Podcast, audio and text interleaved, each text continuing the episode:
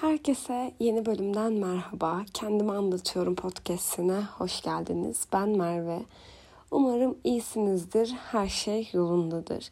Bir önceki podcast'imde yani bir önceki bölümde bu ara nasıl bir değişimden geçtiğimden bahsetmiştim. Şimdi de bu değişimle ilgili daha ayrıntılı ve bence çoğumuzun başına gelen ve bu durumdan nasıl çıktığımı gösterdiğim ya da nasıl çıkmaya baş ettiğim yöntemleri anlatacağım size.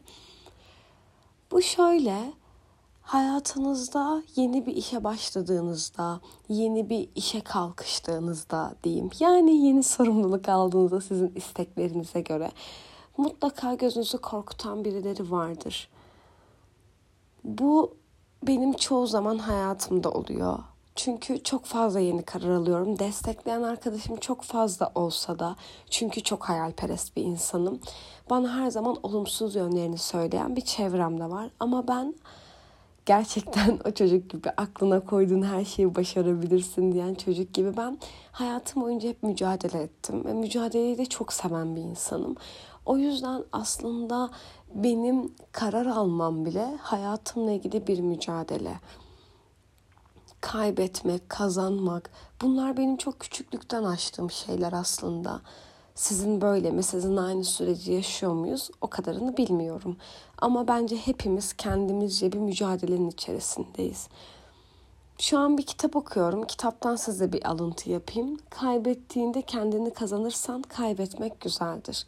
O kadar hoşuma gitti ki çünkü kaybettiğim her kararımda kendimi tanıyarak çok daha sağlam bir adımla çıktım. Bu hiçbir zaman şaşmadı.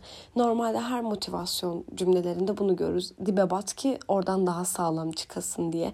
Ya da bu çok klasik gördüğümüz bir dalgalı bir de düz zemine topu koyup da nasıl gidip geri döndüğüne dair bir klasik bir fizik deneyine de buna dahil edebilirsiniz. Ama ben kendime hiçbir zaman gereksiz ya da yersiz bir gaz vererek de bir karar almadım. Ama bunu çok iyi bilmek gerekiyor. Yani evet ben şu an burada tökezledim ama bu tökezlediğim yerden ben geri kalkacağım diyebildiğiniz noktada karar almaktan korkmuyorsunuz. Kesinlikle kaybetmenin sizi yenmesine izin vermeyeceksiniz. Çünkü her şey yüzde yüz gitseydi sıkıntı, dert, üzülmek gibi duyguları hiç bilmiyor olacaktınız. Demek ki bu zamana kadar bildiniz ve bunu yendiniz.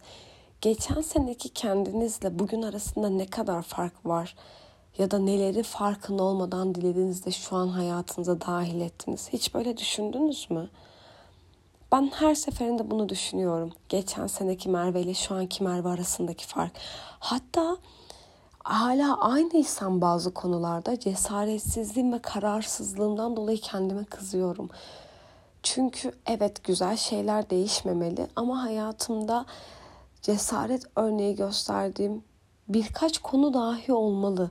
Bazı konularda aynı kalmamalıyım. Özellikle kendime karar vermek için zorladığım konularda.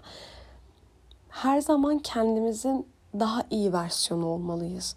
Aslında kendimiz de bir hırs içerisinde olmalıyız.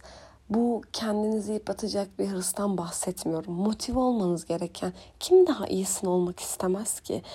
neden bir önceki olduğundan ya da bir ay önceki halinden daha iyi biri olmayasın ki kendine göre iyi. Ayşe şunu yapmış, Fatma bunu yapmış. Ayşe şöyle yapmıştı da ben de böyle bu değil.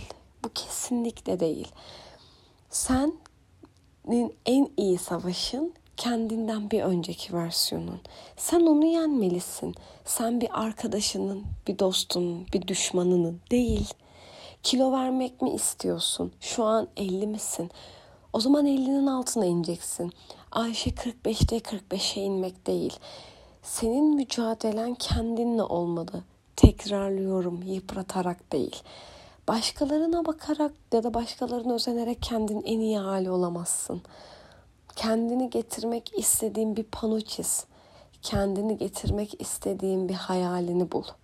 Ve o haline gelmek için mücadele et. Ve düşmekten hiçbir zaman korkma. Ayağa kalkmak için çabaladığın her noktada kendine yeni bir şey katacaksın.